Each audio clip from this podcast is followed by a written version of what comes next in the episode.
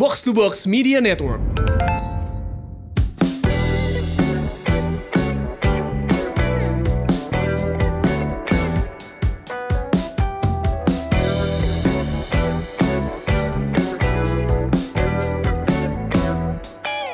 Semurians, welcome back. Ini dia podcast Semur, Sehat Makmur. Podcast yang mengajak kamu untuk sehat jasmani dan makmur finansial. Saya nggak sendirian, saya Ligwina Hananto bareng sama rekan saya. Halo, ada FX Mario di sini. Hai Mar, hari ini kita nggak berdua Halo. lagi ya. Kita ada bertiga sama Emiralda Noviarti alias Emi. Hai Emi. Hai Mbak Wina, hai Mario. Hai Emi. Emi ini eh, salah satu trainer di kantor gue di Kiam Financial. Eh, Mario udah sempat ketemu Emi kan ya waktu Sempat, sempat. di Kiam? Sempat, sempat, Sempat dong, sempat. Nah, sempat. Emi Ini- masuk sebelum gua cabut. Nah, Ini reuni, reuni.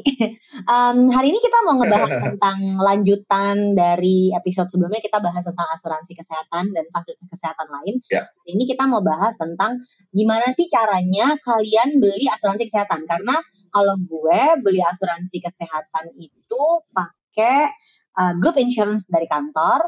Uh, Mhm. Suami gue akhirnya beli asuransi kesehatan sendiri lewat agen. Mhm. Kalian gimana belinya? Dan dan ini ahem, pada saat ahem, uh, banyak orang uh, suka ngamuk sama gue karena menuduh gue anti unit link. Maria sama Emi punya unit link guys. ini hak jawab lu tentang kenapa unit link atau kenapa tidak dan kenapa iya gitu ya. Iya iya iya iya. Jadi gue nggak anti produknya, tapi memang uh, waktu gue nulis artikel yang viral itu di 2000 tahun 2000 berapa? 2008 2008 2008. Nah, itu uh, di masa itu unit link itu dijual oleh para agen asuransi sebagai produk investasi yang akhirnya memang Yes. Memang akhirnya tuh babak belur karena ya nggak bisa perform produknya gitu kebanyakan Ya, potongan biaya.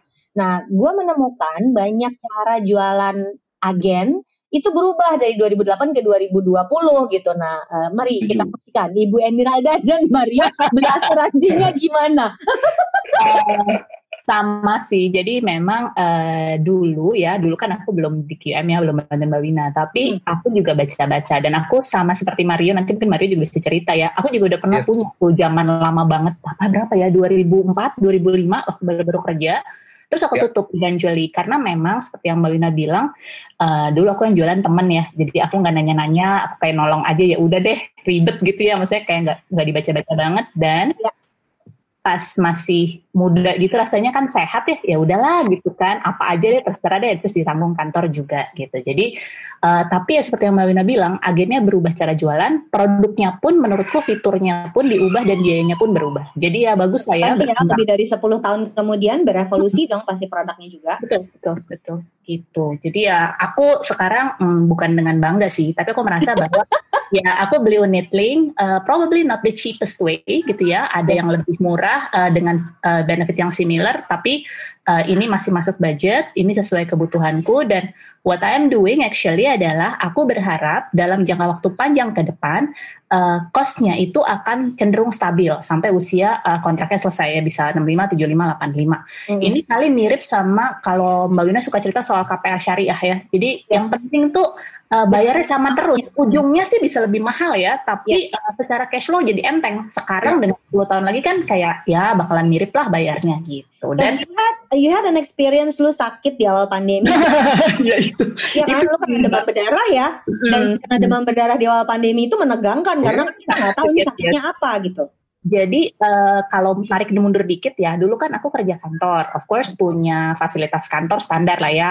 Terus abis itu sempat di expat, di expatnya traveling dan itu gila banget. Jadi kayak sebelum berangkat selalu yang pertama kali dikasih itu adalah nih asuransi di tempat tujuan lo adalah sini-sini gitu ya. Karena Eh bentar, Betul. potong dulu, potong dulu. Lu ngerasa itu banget nggak? Setiap kali mau traveling, eh, apakah itu traveling bisnis atau untuk nggak apa urusan eh, liburan, kita tuh concern sama asuransi kalau lagi di luar. Tapi begitu sampai di Indonesia ya udah Bismillah aja gitu nggak sih? Ngaco deh. sebenarnya sih Mbak Ya, Wina, ya. aku sampai dengan tahun 2018 eh, traveling aku nggak segitu eh, concernnya karena Hmm. eh, belum sakit aja gitu ya. Jadi Aduh, Ya, harus kena batu ya. Tunggu, kalau Mbak Lina kayak Kak atau Mario, kalau kayak ke Singapura gitu, beli travel insurance. Kalau lebih dari lima hari gue beli. Oh, Enggak lah. Maksudku ke Singapura sama ke Padang, gue pulang kampung, Mbak, jauhan ke Padang, saudara-saudara gitu ya. Nah, tapi ya. nah, tapi di Padang BPJS laku, ya kan? Di, di, Iya iya, lo bayangin lah sakit di Singapura tuh PR loh. Tunggu dulu Mbak Wina dan Mario, itu adalah yang mengubah gue. 2018, aku lupa Mbak Wina kali ke update ya, karena aku udah di QM. Ada tante yang lagi reunian di Penang, kemudian nih ya, lu pernah cerita benar. beliau sakit eh, di tempat tanpa punya tra- eh, travel insurance. Waktu itu gue pikir, nah dia tuh eh, suaminya udah meninggal dan gak punya anak. Jadi diutuslah aku pergi ke sana untuk Oh. membantu membereskan eh, administrasi gitu ya. Dalam pikiranku cuma ya kali keracunan makanan, kecapean, dehidrasi. Dilalah ternyata eh, hari aku datang malamnya masuk ICU karena sesak nafas dan harus pakai ventilator. Dua minggu akhir aku di sana di ICU 10 hari. Hari pertama aja Mbak, itu udah cek cek cek cek cek, itu udah habis 3 digit juta. Gue udah nangis-nangis mulu ya, nggak ada support system apa segala. Aduh nih gimana, tapi yang penting pulang dulu ya. Tapi itu pun kayak udah, aduh gue kayak kita pulang naik ambulans apa eh, air ambulans apa gimana gitu ya. Tapi untuk akhirnya keluar, nah habis dari situ mbak, gue baru punya eh, asuransi yang proper. Terus ke mana pun gue pergi, walaupun cuma ke Singapura satu hari, gue beli travel insurance dan akhirnya gue beli travel insurance yang panjang gitu, yang kayak supaya bisa kepake terus. Askes murni, tapi bisa di seluruh dunia. Nah kemudian setelah pandemi sakit, baru aku upgrade jadi si unit link. Karena tadinya tuh cuma sekadar ya biar ada deh biar ada. Kalau traveling malah gue pikir harus lebih penting. Tapi ternyata setelah pandemi abis itu jadi ribet ya mbak ya. Eh, harus kamar sendiri diisolasi eh, CT scan. Eh iya bener CT scan. Coba saudara-saudara foto torak. Gue kayak cuma demam berdarah ya. Kalau udah aneh-aneh Iya iya. iya. Itu tuh kayak bulan pertama pandemi Mario dan Mbak Wina jadi I think eh, hospitalnya juga masih nervous gitu ya. Dia Ah, juga masih raba-raba juga kan. ah gitu. Ya udah. Punya prosedur kayak sekarang beda. Iya iya. Jadi abis itu udah deh beneran aku kayak ngerasa waduh nggak bisa gini nih mesti dibaca nih eh, asuransi gue isinya apa saja. Kemudian mencarilah aku asuransi agak lebay sih mungkin karena sempat ya. Jadi nyari segala quotation baca-baca apa membombardir agen-agen dengan pertanyaan dan akhirnya sekarang seperti yang tadi Mario bilang ya aku sama Mario sama punya unit link yang relatif baru lah ya baru setahunan. Gitu. Coba kita bertarget eh, podcast kali ini bisa menghadirkan eh, apa yang mesti ditanyain ke agen dan asuransi itu ciri-cirinya apa yang kita mau beli. Eh, Ya. Mario caranya gimana? Emi caranya gimana? Boleh. Kalau kalau gue emang eh, awalnya ngelihat pertama gue eh, ngelihat kerja agentnya dulu nih. Dia eh, kayak gue ceritain di episode kemarin itu dia agentnya kakak sepupu gue. Jadi dia pernah eh, ngehandle kakak keluarga kakak sepupu gue dan anak-anaknya dengan sangat baik gitu kan. Terus gue lihat, eh gue juga eh, karena gue udah nggak kerja kantoran, gue butuh asuransi nih. Gue mau ketemu dia dong. Gue ketemu dia dan dia emang emang bisa ngejelasin bahwa bilang, oke eh, ini emang produk ini unit link, ada asuransi kesehatan, sedikit jiwa dan sedikit eh, investment. Tapi kalau lu nyari return tuh jangan ke gua. Gua jualan asuransi nih. Gua jualan proteksi. Dari awal dia udah bisa bisa state begitu dan gue bilang oke, ini udah beda nih cara jualan agent asuransinya nih eh, unit linknya. Nah, terus gue mulai eh, ngobrol-ngobrol sama dia. Terus gue bilang gue mau investmentnya sekecil mungkin deh karena gue udah punya investment di tempat lain. Eh, eh, terus dia bikinin ilustrasinya beneran dibikin kecil. Dia bilang gue nggak bisa mengenolkan si investment ini, investmentnya harus tetap ada, tapi investment ini eh, lebih ke tujuannya ketika nanti lu gagal bayar, lu misalnya ada momen lu gak punya duit, yang uang investment ini nih yang bakal diambil buat bayarin premi lu, biar premi lu nggak langsung putus gitu. Dia ngomong gitu Jadi ke gue. ekspektasinya benar-benar bukan buat investment tapi buat backup cashnya aja tersedia ya. Yes gitu. Jadi kalau nanti nah, kan dibilang kan lu freelance nih sekarang kerjanya kalau nanti pas lu lagi nggak ada duit, ya udah nanti paling kalau lu nggak bisa bayar premi ya kita ambil duit dari investment ini dulu gitu. Ini yang dipakai. Eh, gua terus gua teliti udah terus eh, kayaknya oke dia nawarin pokoknya nanti yang penting lu kelas kamar sekian eh, setahun lu dapat sekian ba- batasnya sekian sekian m atau sekian ratus juta gue lupa oh pertama kali masih sekian ratus juta terus gue naikin jadi sekian m setahun eh, ya udah eh, jalan terus gue sih merasa beruntung ya gue punya asuransi kesehatan tapi belum pernah gue pakai. Gue nggak merasa rugi beli asuransi kesehatan karena berarti gue harusnya bersyukur karena kesehatan gue masih baik-baik aja gitu. Eh, tapi so far sih oke tapi gue eh, ya gue udah ngeliat ag- agen gue ini dia ngehandle banyak orang eh, yang gue kenal juga. Jadi gue percaya sih sama si agen gue ini dan produk yang dia tawarin ke gue. Gitu. Referral tuh emang nggak bohong ya hasilnya ya. Ya, ya, ya, ya, ya. Lo gimana em? Uh, mirip sih sama Mario. Yang penting kalau aku pertama ngedefinisin butuhnya apa. Setelah mengalami masuk rumah sakit di saat pandemi, di kepalaku bodo amat. Pokoknya gue harus sekamar sendiri. Serah deh gitu. Serah deh, gue udah gak ada urusan gitu. Yang penting sekamar sendiri. Nah ternyata kan Iya, sekarang udah ada kayak produk udah ada produknya nih Mbak Wina sekamar sendiri regardless of harga kamarnya. I Yes. see, udah bisa Iya. kayak gitu sekarang. Gue pakai itu juga kayak gitu. Yes, nah itu dan itu berlaku sampai masa kontrak yang relatif panjang ya Mario ya sampai umur Mm-mm. 85. Jadi paling enggak Mbak umur gua berapapun nanti kalau dikasih umur panjang, at least gua tuh kalau masuk rumah sakit bisa loh yang saat uh, kamar sendiri dengan premi yang sekarang aja gue mampu bayar. Masa sih 30 tahun lagi nggak mampu bayar kan lama-lama tambah kecil toh harga segitu. Relatifnya, iya. Hmm, itu satu. Terus yang kedua benar agennya tuh mesti eh, mesti pinter menurutku. Karena gini eh, dulu tuh aku pernah punya kerjaan manajemen consulting di perusahaan asuransi gitu ya di holding insurance. Dan aku ngerti bahwa komisi meeting itu gede gitu ya. Jadi Hmm. aku rada nggak ridho kalau bayar komisi untuk orang yang nggak ngebantuin gitu ya. Iya, jadi iya, iya, iya. dia tuh harus ngebantu seperti yang tadi Mario bilang gitu kan ya. Jadi eh, itu itu yang perlu di- dipahami banyak orang bahwa memang um, agent itu dibayar berdasarkan commission dan uh, it's okay loh itu bayar service gitu Iya, kan. iya, iya. gitu. So, be- Jadi beda pola pandangnya dengan gue kan investasi, tapi kok duit gue diambil sama dia gitu. Beda Oh iya, dengan jadi jadi beda banget point of view-nya. ya, uh, jadi Iya, niatnya lain gitu. Dan itu menurut gue penting uh, tahun 2021 pola pikir kita jadinya bisa diarahkan apa ya mutual benefit kan dapatnya Ya. jadi. Betul. Terus lanjut Jadi, gimana?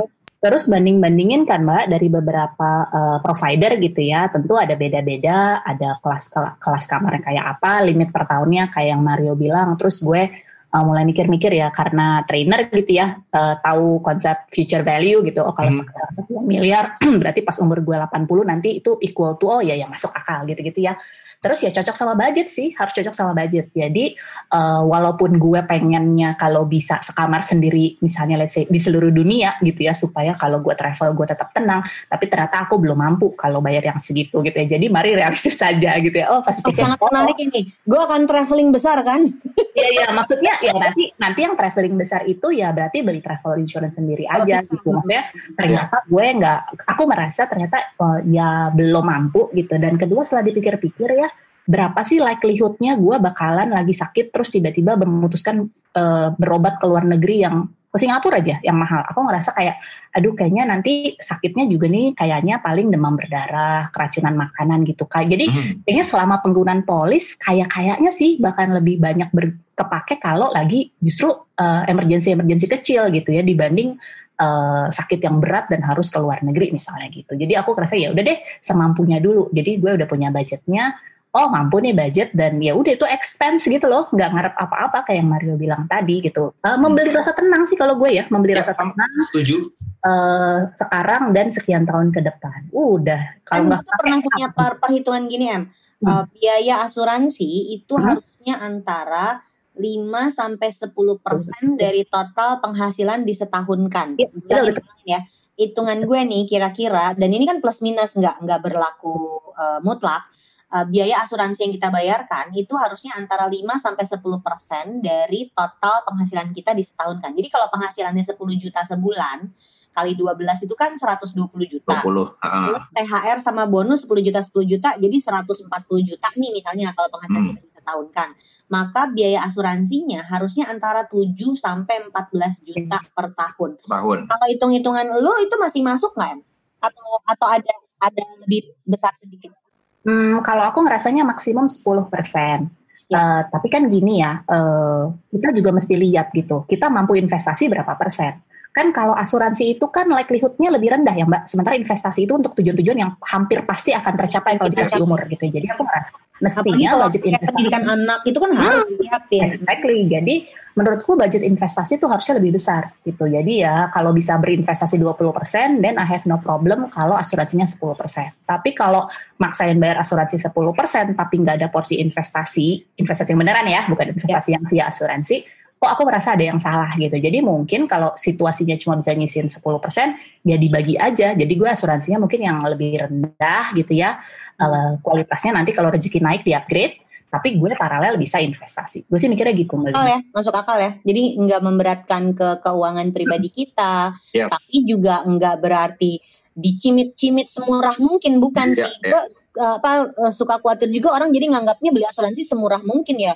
Nanti lu dapetnya juga peanuts Iya. dong gitu. Iya. Padahal manfaat apalagi kalau soal sakit tadi kata kayak Amy bilang begitu sakit dirawat pokoknya mau yang cover sendiri nggak mau tahu. Ya, kan namanya juga pandeminya menularnya airborne ya Mbak Wina ya. Gimana gitu kan ya.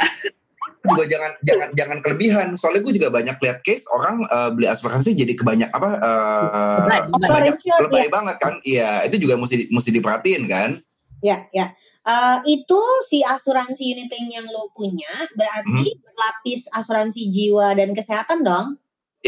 betul Nah, kalau Emi enggak Mbak Wina Oh, karena yang ini enggak? enggak aku eh, jadi gini, unit link kan harus ada asuransi dasarnya ya gitu. Jadi Iya. harus ada asuransi jiwanya, tapi aku mintanya di minimum aja karena kalau aku tidak ada tanggungan. Kalau Mario mungkin kan mungkin perlu kali ya buat eh, dikit kok nggak nggak nggak banyak Nah, aku mintanya mentok sampai serendah-rendahnya gitu karena aku Hmm. bilang aku nggak butuh nih. Sama aku sama kayak Mario eh, investasinya pun di seminimum mungkin hanya sekedar menjaga supaya dia bisa eh, sampai umur kontrak yang panjang itu. Jadi dia tuh Yes. punya reserve gitu kalau kalau Yes. kita tidak bisa bayar nanti. Gitu. Ini kalau ada teman-teman agen insurance yang dengerin, silahkan loh ini di forward ke klien-kliennya yang ah, enggak. iya iya, boleh boleh Manfaatkan. iya.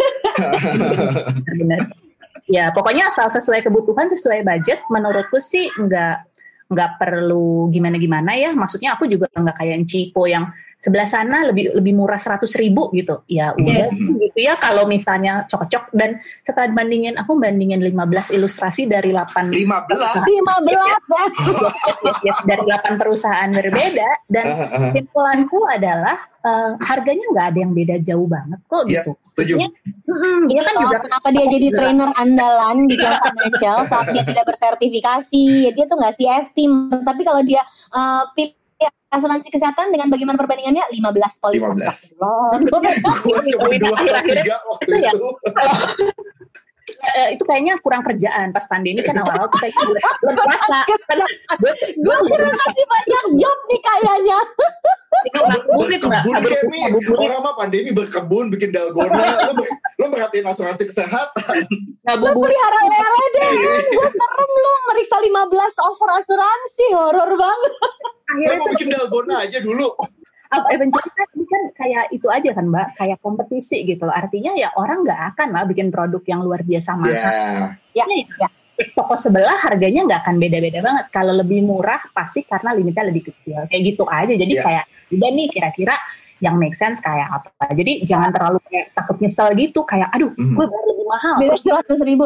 Tapi tadi yang menarik poinnya dari Mario adalah alasan dia memilih polis asuransi yang sekarang dia pakai itu karena si agennya tuh handal sekali dan dia udah lihat efeknya pada saat sepupunya anaknya sakit si agen Ya. ini yang ikut sibuk ngurusin sampai ke rumah sakitnya. Ya. Jadi kan walaupun toko sebelah murah 200 ribu atau 500 ribu tapi kan agennya beda gitu. Jadi kan Iya, betul. memang kita mau bayar juga untuk itu kan. Jadi sebenarnya Iya. terus Uh, ya. relevan juga beli yang lebih murah kalau lu nggak nggak dapat servis yang sama dari orang yang yang berbeda. Um, pertanyaan gue berikutnya si uh, polis asuransi ini, asuransi kesehatan di dalam unit link ini, uh, dia pakai sistem apa? Reimburse kah, um, cashless pakai kartu kah, atau kayak gimana? Just so we know ekspektasi orang juga harus tahu uh, tentang uh, servisnya. Cashless sih kalau yang aku ya Cashless. asal di asal di jaringannya gitu ya. Mungkin Ya. kalau misalnya Oh. Oke, oke, jaringan, tapi jaringannya sih kayaknya luas ya maksudnya. Luas Sama. biasanya. cukup oke kok Nah, sebelum beli harus dicek tuh Mbak, rumah sakit-rumah sakit yang kita biasa datang kalau lagi sakit masuk nggak di jaringan situ. Itu yang Ya. harus juga. kayak aku eh, juga cashless gitu kan tapi dia juga kalau eh, kalau buat di rumah sakit partnernya dia dia cashless di luar itu bisa reimburse. Nah ini ngomongin eh, rumah sakit yang eh, bekerja sama sama si asuransi ini temen gue ada yang ada yang kena covid yang kebetulan kita agentnya sama. Dia kena covid eh, dia rumahnya itu di petamburan. Eh, si agent ini bantuin gedebak-gedebuk nyariin asu- eh, ruang apa kamar kosong di eh, chainnya rumah sakit yang kerjasama dapatnya di Bekasi. Ya udah kirim akhirnya dapat Bekasi dibookingin di Bekasi kirim ambulans eh, buat bawa ke, eh, ke Bekasi jadi emang beneran dicariin gitu sama, sama agent yang gue cerita itu walaupun lokasinya jauh di Bekasi ya Itu yang priceless ya Mario ya, maksudnya kayak Itu nggak tukar sama premi yang dibayar itu. iya lu lagi panik covid deg-degan uh, kondisi keluarga gimana, ada yang bantuin lo, aduh itu nolong banget, gila. Ya, ya beli ketenangan hati tadi Mbak Wina. Yes. Persis. Uh, waktu gue uh, dua anak sakit bergantian juga, ketenangan hati, ketenangan hati yang gue dapatkan adalah si uh, kartu asuransi uh, group insurance dari kantor itu benar-benar nggak kicep jadi hmm. benar-benar gue nggak mesti ngurusin Ina itu benar-benar ya oke okay, anak yang satu keluar anak satu masuk oke okay. jadi gue benar tinggal fokus sama anaknya kan nggak usah mikirin yeah. lagi um, mesti cek Ina itu Ina itu uh, ini yang uh, didapatkan juga lewat asuransi yang kalian punya kan itu yang kayaknya orang uh, mesti perhatiin jadi gue kenapa pilih tetap pertahanin grup insurance kantor gue pada saat BPJS kesehatan udah wajib mm-hmm. karena gue ngerasain itu. Padahal kan sebenarnya bisa aja. Ya udah BPJS aja. Eh, gue nggak harus bayar double jadinya kan. Karena sekarang jadi perusahaan punya dua. Ada BPJS kesehatan ada uh, asuransi grup insurance-nya. Gue pertahanin dua-duanya karena itu the convenience of just use the card beres gitu. Kalau BPJS gue harus bawa anak ini ke puskesmas dulu guys Oh iya kan ada ada ada ada stepnya ya dari puskesmas, ya, terus ya. rumah sakit uh, kecil, rumah sakit gede gitu kan? Ya, ada fasilitas disebutnya apa ya fasilitas kesehatan primer. Ya. Nah, itu sebenarnya penting kak supaya orang tuh nggak dikit-dikit ke dokter, dikit-dikit ke dokter. Menurut lo yang bikin dokter kita antrinya panjang karena orang-orang ini nggak mau ke fasilitas primer. Iya. Kalau kenapa-napa langsung ke spesialis. Iya. uh, tapi kan nanti BPJS juga ada wacana mau di kelas standar kan ya Mbak Wina artinya benar uh, gini gimana ya bilangnya ya kalau ada kemampuannya menurutku sih tetaplah uh, beli as ke swasta biarkan si BPJS itu untuk uh, teman-teman kita tetangga-tetangga ya, kita untuk orang banyak mm -mm. yang emang nggak mampu gitu mm. karena mm, ya ya gimana ya maksudnya memang kita udah kelamaan punya uh, standar yang rendah gitu. Jadi ya makanya yang belum ketolong paskes tuh jadi banyak banget kan, jadi panjang gitu kan. Makanya memang ya. Setuju. Jadi ketika kita golongan menengahnya mampu beli asuransi kesehatan sendiri, why not? Uh, jadi hari ini kita mau sharing uh, betapa pentingnya memilih agen yang ngerti kebutuhan lo dan betapa pentingnya lo ngerti asuransi yang lo beli seperti apa. Oke, Semurian, itu obrolan hari ini tentang uh, asuransi kesehatan, lebih fokus lagi pada unit link. Kenapa kita pilih unit link atau dan apa unit link eh nggak boleh gitu jadi beli guys beli beli. Asal itu sesuai dengan kebutuhan lo. Ingat lo lo yang mesti lebih teliti dan lo mesti bisa ngececer agent lo kebutuhan lo seperti apa dan apakah produk unit link yang ditawarkan ke lo uh, menjawab kebutuhan lo apa enggak. Yang nggak boleh dilupakan juga bagaimana asuransi itu harusnya bisa memberikan lo uh, peace of mind. Lo jadi tenang punya asuransi kesehatan. Jadi ketika lo sakit nggak apa lo nggak cemas masalah biayanya udah ada yang cover saya FX Mario bersama rekan saya. Saya Ligwina Hananto. Buat apa sehat tapi nggak punya uang? Buat apa makmur tapi sakit-sakitan? Live long and prosper. Live long and prosper. Bye, -bye.